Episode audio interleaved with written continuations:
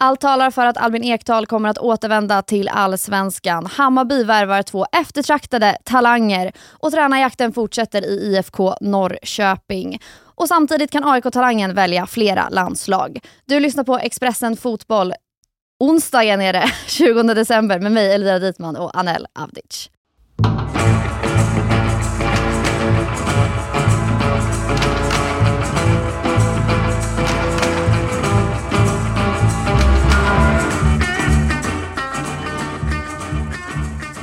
Anel, jag tänker att vi hoppar rätt in i en nyhet som jag fick mig att säga, nämen? Ja, exakt. Ja, berätta. Vi, hemvändare gillar vi oftast. Mm, det gör vi. Eh, det beror ju dock på vilka det är, men i det här fallet så är man ju såklart lite extra spänd när det handlar om Albin Ekdal. Mm. Som har eh, ryktats till Sverige i, ja, vad är det nu, tre, fyra transferfönster. Eh, och det har varit eh, ett väldigt stort flörtande från hans sida på landslagssamlingar med Bosse Andersson, eh, eh, sportchef i Djurgården.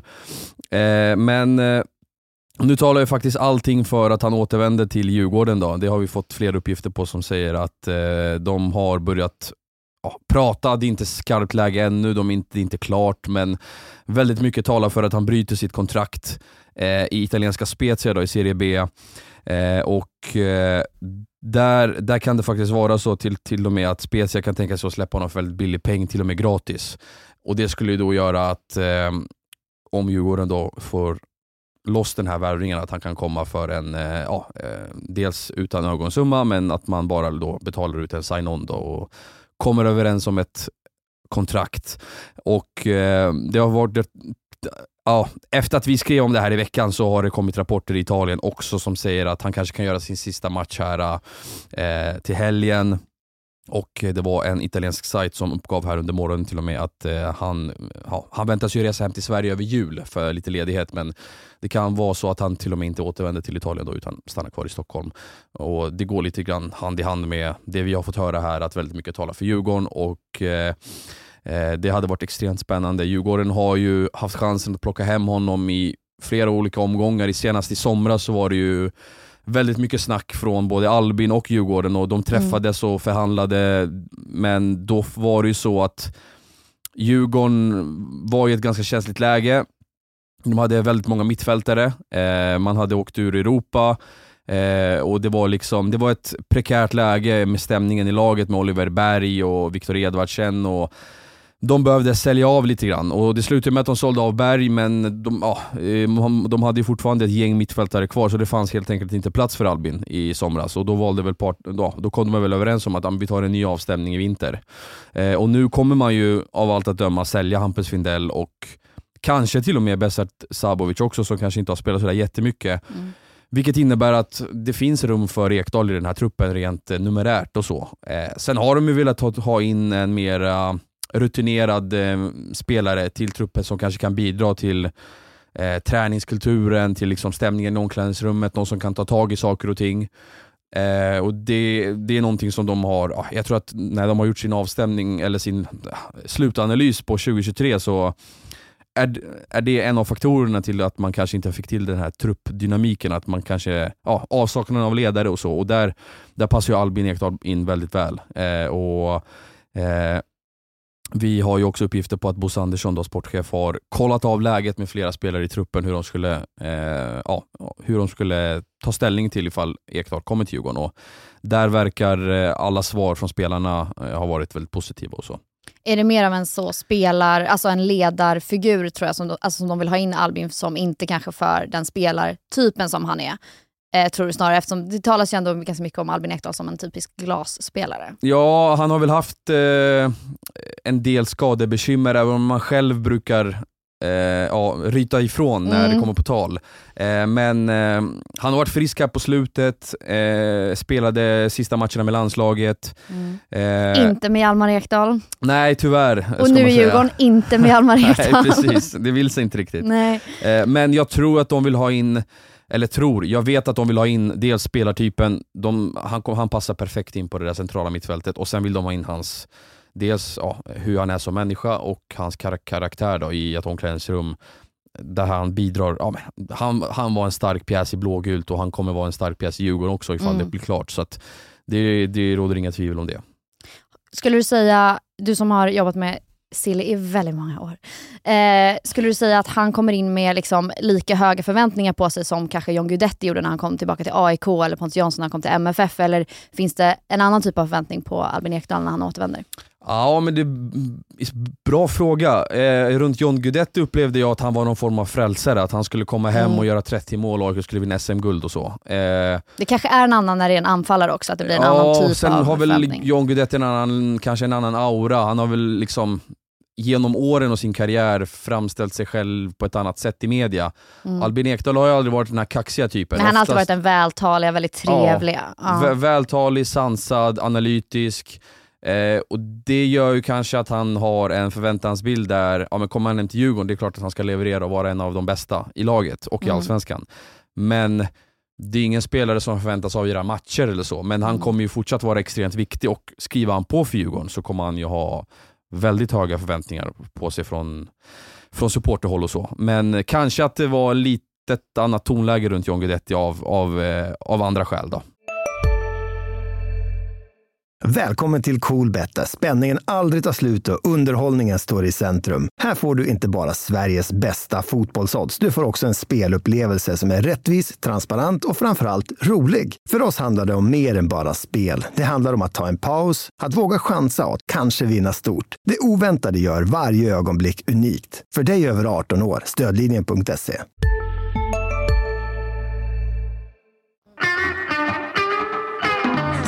Om vi eh, går vidare i våran eh, dagordning då. Ja. Eh, rätt in i Hammarby som värvar två väldigt eftertraktade talanger. Precis, vi fick eh, uppgifter här under morgonen eh, att eh, man har säkrat upp två av Liberias främsta talanger födda 2006 och 2007. Då är man ung Ja, alltså. de är ung. 16 och 17 år gamla är man. Det handlar om Divintea och eh, Sam Moses Junior. Jag gillar det här Junior på slutet på Moses. Här. Eh, där ska, det, där ska parterna vara överens eh, och inträffar inget oförutsett så ansluter Thea under 2024, alltså då han fyller 18. Eh, jag tror att det är, i, det är i april och eh, Sam Moses då, som väntas ansluta först i 2025, det är då han fyller 18. Så att eh, Ja, det är ju, de har gjort väldigt många scoutingresor till Afrika genom åren. Eh, de hittade ju Aido en gång i tiden, sålde honom till Genk i Belgien för 15 miljoner kronor där och då, den största försäljningen i Hammarbys historia med typ. Eh, något år senare så eh, norpar de upp eh, Odilon, eh, sålde honom för 40 miljoner. Eh, och Sen har det bara fortsatt med Aziz Otara Mohammed till, till eh, Belgien igen, Amo till eh, Köpenhamn för 50 miljoner. Eh, och så har de gjort sådana här på, på rulle nästan. Mm. Eh, så det är inte så oväntat att de gör den här typen nej, av... Nej, inte. Det, det nya är väl kanske att de är i Liberia nu. Då. Förut har de varit mycket i Nigeria och Elfenbenskusten. Eh, framförallt i Elfenbenskusten då, som har en väldigt bra och eh, framgångsrik akademi, ASEC.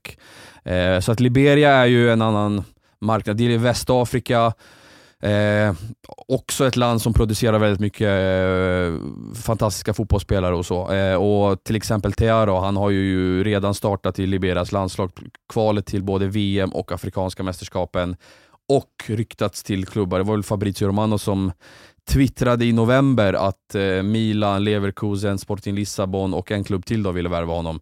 Eller att han fanns på, på, på deras radar och till och med tror jag det var eh, The Guardian. De släpper en sån här mm. 60-lista varje år med världens största talanger. Där mm. var Thea med också som en av 60. Okay. Eh, så att det är ju två spelare som har fått mycket uppmärksamhet, mm. men där Hammarby av olika skäl då vinner den här kampen. Och, eh, jag tror inte, alltså så här, Milan och toppklubbarna ute i Europa, de har inga problem med att Hammarby tar Thea nu när han ska fylla 18. Ja. Det är snarare bättre, för då då kommer de få A-lagsfotboll, då kommer det bli ännu bättre, då slipper de liksom eh, slussa in dem i sina akademier. Ja, precis. Ja. Utan här kommer de få förmodligen, då, om allting går enligt plan, A-lagsfotboll, slå igenom i Allsvenskan i bästa fall, och när det har hänt, då kommer ju de här toppklubbarna bara komma och säga okej, okay, men vi betalar 5-6 miljoner euro för mm. att eh, Ja, för det är ju ingenting liksom för dem. Nej, det är ju kaffepengar för eh, klubbar av den digniteten. Så att, mm. eh, eh imponerad av Hammarby eh, och det ska bli spännande att se dem här i Sverige också. Mm.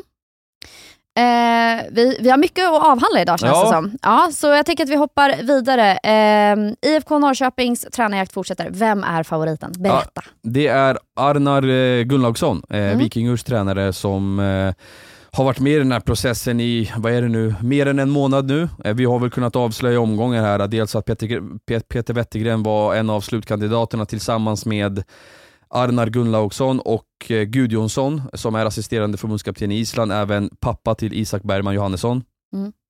Eh, och nu har Wettergren fallit bort. Där, kun, där avslöjade vi förra veckan att han var eh, högaktuell för eh, rollet på förbundet då, som teknisk direktör. Eh, Alltså eh, sida vid sida med Kim Källström. Så allt talar ju för att han kommer ta det jobbet vad jag har hört. Eh, och det, vilket gör att de går ner på två slutkandidater då, har de haft här senaste veckan. Och det är ju då eh, Isak Bergman Johannessons pappa och Gunnlaugsson. Men där hör jag nu att Arnar Gunnlaugsson är stor Det är favorit. så spännande när du säger jag hör, för man blir så här, åh, hur- vad- berätta. Vilka är det som pratar? Exakt. ja, Okej, förlåt, fortsätt. Eh, nej men eh, Gunnlaugsson är stor favorit. Han har haft eh, flera möten med eh, Norrköping senaste månaden. Sen har väl han sagt här i isländsk media under veckan att han inte har hört från Peking på tre, fyra veckor. Mm. Eh, men eh, det handlar ju om att klubbarna behöver komma överens om en, ja, oftast är det en eh, övergångssumma då för tränare Mm. också. Där eh, Norrköping ska betala det Vikingur tycker att Gunnlaugsson är värd och Mm. innan eh, de har kommit överens om det så kan man heller inte göra någonting på tränarfronten. Så det är, det är nästan som en spelarförhandling det här, bara att det Mm. handlar om en, en huvudtränare istället. Och jag tror väl att det kommer lösa sig. Eh, vi får väl se om det blir här innan jul eller om det blir efter jul. Eh, Norrköpingssupportrarna vill i alla fall ha en julklapp och det kommer de få. Sen får vi se hur tidig den är, eller hur sen den är. Mm. Tror du att den här spelar, eller tränartypen eh, blir en helt ny riktning för IFK Norrköpings trä, liksom, tränarstab? Eller fort, är, är det som att de ersätter med en snartyp tränare? Nej, men jag tror att de har styrt om lite grann efter eh, misslyckandet med Glenn Riddersholm. Mm. Eh, trots att man gjorde en gedigen process där så träffade man väl inte riktigt rätt i form av hur han är. Alltså det blev en kulturkrock tror jag. Norrköping är, jag tror att Riddersholms ledarskap kanske hade gjort sig bättre i ja, Malmö FF, AIK, Hammarby, Djurgården. Eh, I Norrköping är det kanske lite annorlunda kultur. Eh, och de vill ju ge plats till de unga spelarna från akademin. Deras P19 vann ju, eh, tror de vann en eh, P19-allsvenskan här eh, under eh, vintern, Säkert. hösten, något sånt. eh, och de vill ju de vill ju liksom återuppliva det här IFK-spåret där man ger de här egna talangerna eh, utrymme. De vill eh, någonstans också ge plats till det här isländska spåret i form av spelare. Och nu tror jag också, den, nu har man misslyckats med två tränarrekryteringar. Eh, Rickard Norling blev ju inte sådär jättebra. Mm. Riddersson blev inte heller lyckat. Eh, sportchefen To- Tony Tonna Martinsson, han någonstans så vände han sig till Island som är någon form av trygghet tror jag för Norrköping. Att man vet att det har funkat. De har haft isländska tränare förut i akademin och i staben. Man har haft väldigt många isländska spelare. Eh, alla har haft det väldigt bra i Norrköping och jag tror att det här är en trygghet också. De har ju en riktigt bra kontakt på Island också. Stefan Tordarsson också som har en bakgrund i föreningen och via honom då så har man ju såklart lyckats eh, scouta till sig den här tränaren på, Mm. ja, på något sätt. Så att, eh, jag tror att det här är liksom det är en viktig rekrytering för Norrköping inför nästa år och då man väljer lite tryggheten och det behöver inte vara fel i det. Jag, jag tror att han är väldigt bra. Han har vunnit ligan borta på Island med Vikingur. Han har utvecklat många unga spelare. Eh, han tickar in många boxar, så Mm. att jag tror att han är jag pratade med en källa som sa att han var lite som Jens Gustafsson. Eh, liksom Mm. Islands Jens Gustafsson. Och Jens Gustafsson var otroligt uppskattad i Norrköping med liksom offensiva spelsättet, att man satsar på unga spelare. Eh, sen blev det ju ingen titel och så, men, men det behöver inte betyda att Jens gjorde, liksom gjorde det dåligt i IFK. Och, eh, här hoppas man nog att Gunnlaugsson ska kunna eh, ja, skapa något liknande. Eh, det pratas ju väldigt mycket om eh, diverse talanger som kan byta landslag eller välja mellan flera. Ja. Nu även eh, en talang i AIK. Berätta. Ja, Jona Kusiasare, han har ju varit eh, ja, ryktenas man hela det här året egentligen, trots att han knappt har spelat i Allsvenskan. Mm. Eh, pumpat in mål i pojk, eh, pojklands, eh, pojklandslagen. Jag tror att han gjorde sex mål på nio matcher eller något sånt. Eh, gjorde ett fantastiskt mål i somras på Gothia Cup. Eh, vart massa europeiska klubbar egentligen hela året som har, hört, som har hört sig för. PSV, Klubb Brygge, Juventus har scoutat honom hemma mot Degerfors. PSG, eh, Leipzig, Bayern München, ja men you name it. Mhm. Liksom. Det, är en, det är en 16-åring eller 17-åring som, som eh, spås en lysande framtid. Och han hade ju en utköpsklausul i sitt, kont- ja, i sitt eh, gamla kontrakt då, som inte var ett professionellt A-lagskontrakt. Mm. Den hade en utköpsklausul och den lyckades sportchefen Thomas Berntsen förhandla bort. Sen skrev man upp honom på tre år Ja. eh, här efter säsongen. Eh, och eh, nu vill man ju behålla honom, kanske sälja i vinter. Det finns inget bud på bordet ännu, även eh, ja, trots en del rapporter i svensk och utländsk media och så. Vad jag hört. Men sen har det också varit liksom väldigt mycket snack kring hans landslagsframtid eh, och val. Och nu kommer han ju inte med på, på januariturnén eh, och vad jag har fått till mig så har eh, eh, både Finland och Ghana visat ganska konkret intresse för honom. Mm. Eh, Så där skulle han kunna kliva in i en eh, landslags, seniorlandslagstrupp Absolut. ganska omgående? Ja, han har möjligheten till det ifall han själv vill. Hans Mm. pappa är från Ghana. Eh, det är ju gamla Djurgårdsanfallaren Jones Kusiasare som var en publikfavorit på Stockholms stadion. Mm. Och sen är hans mamma från Finland. Då. Mm. Eh, Och de förbunden vill båda ha Ja, honom? de har Mm. liksom, det har varit tydliga kontakter där och sagt så här, Mm. men vi vill, det är liksom, ja, vi är intresserade. Mm. Han själv har väl inte bestämt sig än och jag, tror jag tror väl att eh, Kusiasares eh, första prioritet är Sverige. Jag, jag blir förvånad om han skulle välja bort det svenska Men landslaget. hur länge orkar han vänta? Ja, men alltså, egentligen så tycker jag att han borde vänta. Det finns ingen anledning att liksom stressa. Han har inte Nej. riktigt slagit igenom än på den allsvenska scenen. Eh, visst, jag kan Nej, då kanske det är svårt att kräva att man ska ta en plats i januariturnén om man inte heller har, har fått chansen på det sättet i Allsvenskan. Ja, och samtidigt tycker jag jag kan förstå att han inte var med i en första trupp. Mm. Men när det nu har kommit lite, eh, ja det har varit nå- något återbud på anfallsfronten, då har han inte kommit med då heller. Och då kan jag Nej. tycka, ah, fan är det inte bra att ha med honom tidigt och Se och lära känna. liksom. Ja men se och lära, låt han känna på A-lagsmiljön. Det handlar ändå om två trän träningsmatcher, det är bra att se honom där också. Eh, det är ingenting som säger att han inte kan mäta sig med de där spelarna när, när liksom majoriteten av dem tillhör allsvenska klubbar. Mm. Så att jag kan eh, förstå att det kanske finns en besvikelse där, eh, men eh, vi får väl se här. Jag, jag tror väl ändå i slutändan att, att det blir Sverige för hans del. Men Mm. eh, ja, det är värt att rapportera om att både Finland och Ghana i alla fall är intresserade. Hej, Synoptik här. Hos oss får du hjälp med att ta hand om din ögonhälsa. Med vår synundersökning kan vi upptäcka både synförändringar och tecken på vanliga ögonsjukdomar. Boka tid på synoptik.se. Hej, Ulf Kristersson här. På många sätt är det en mörk tid vi lever i. Men nu tar vi ett stort steg för att göra Sverige till en tryggare och säkrare plats. Sverige är nu medlem i Nato. En för alla, alla för en.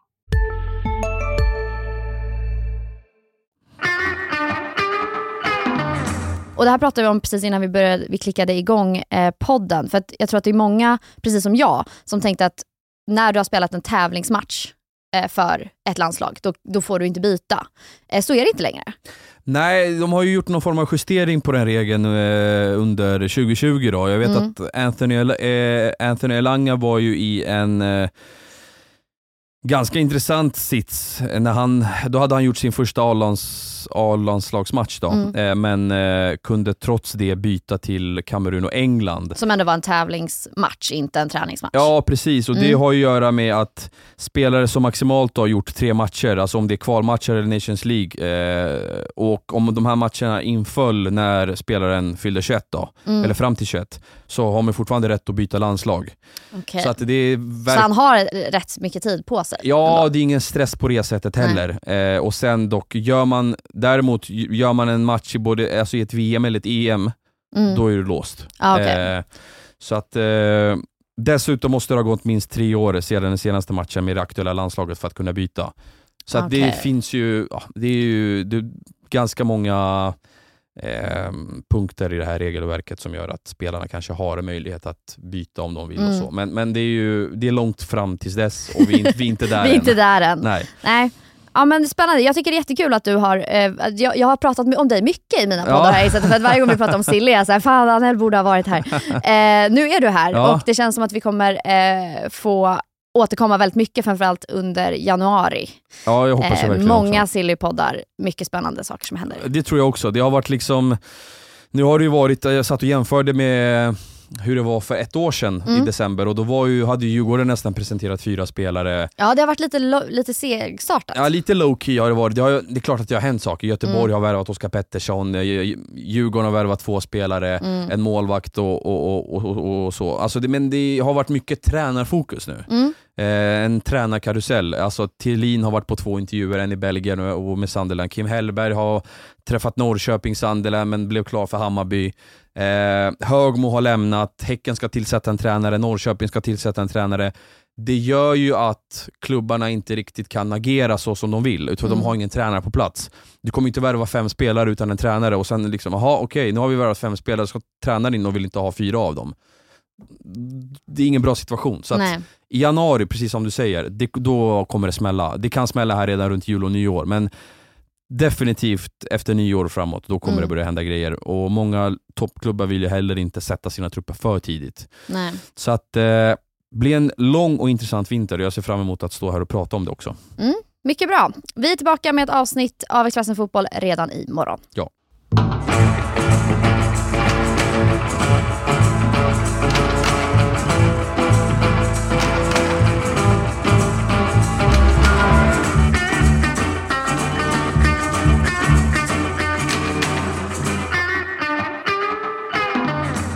Du har lyssnat på en podcast från Expressen. Ansvarig utgivare Klas Granström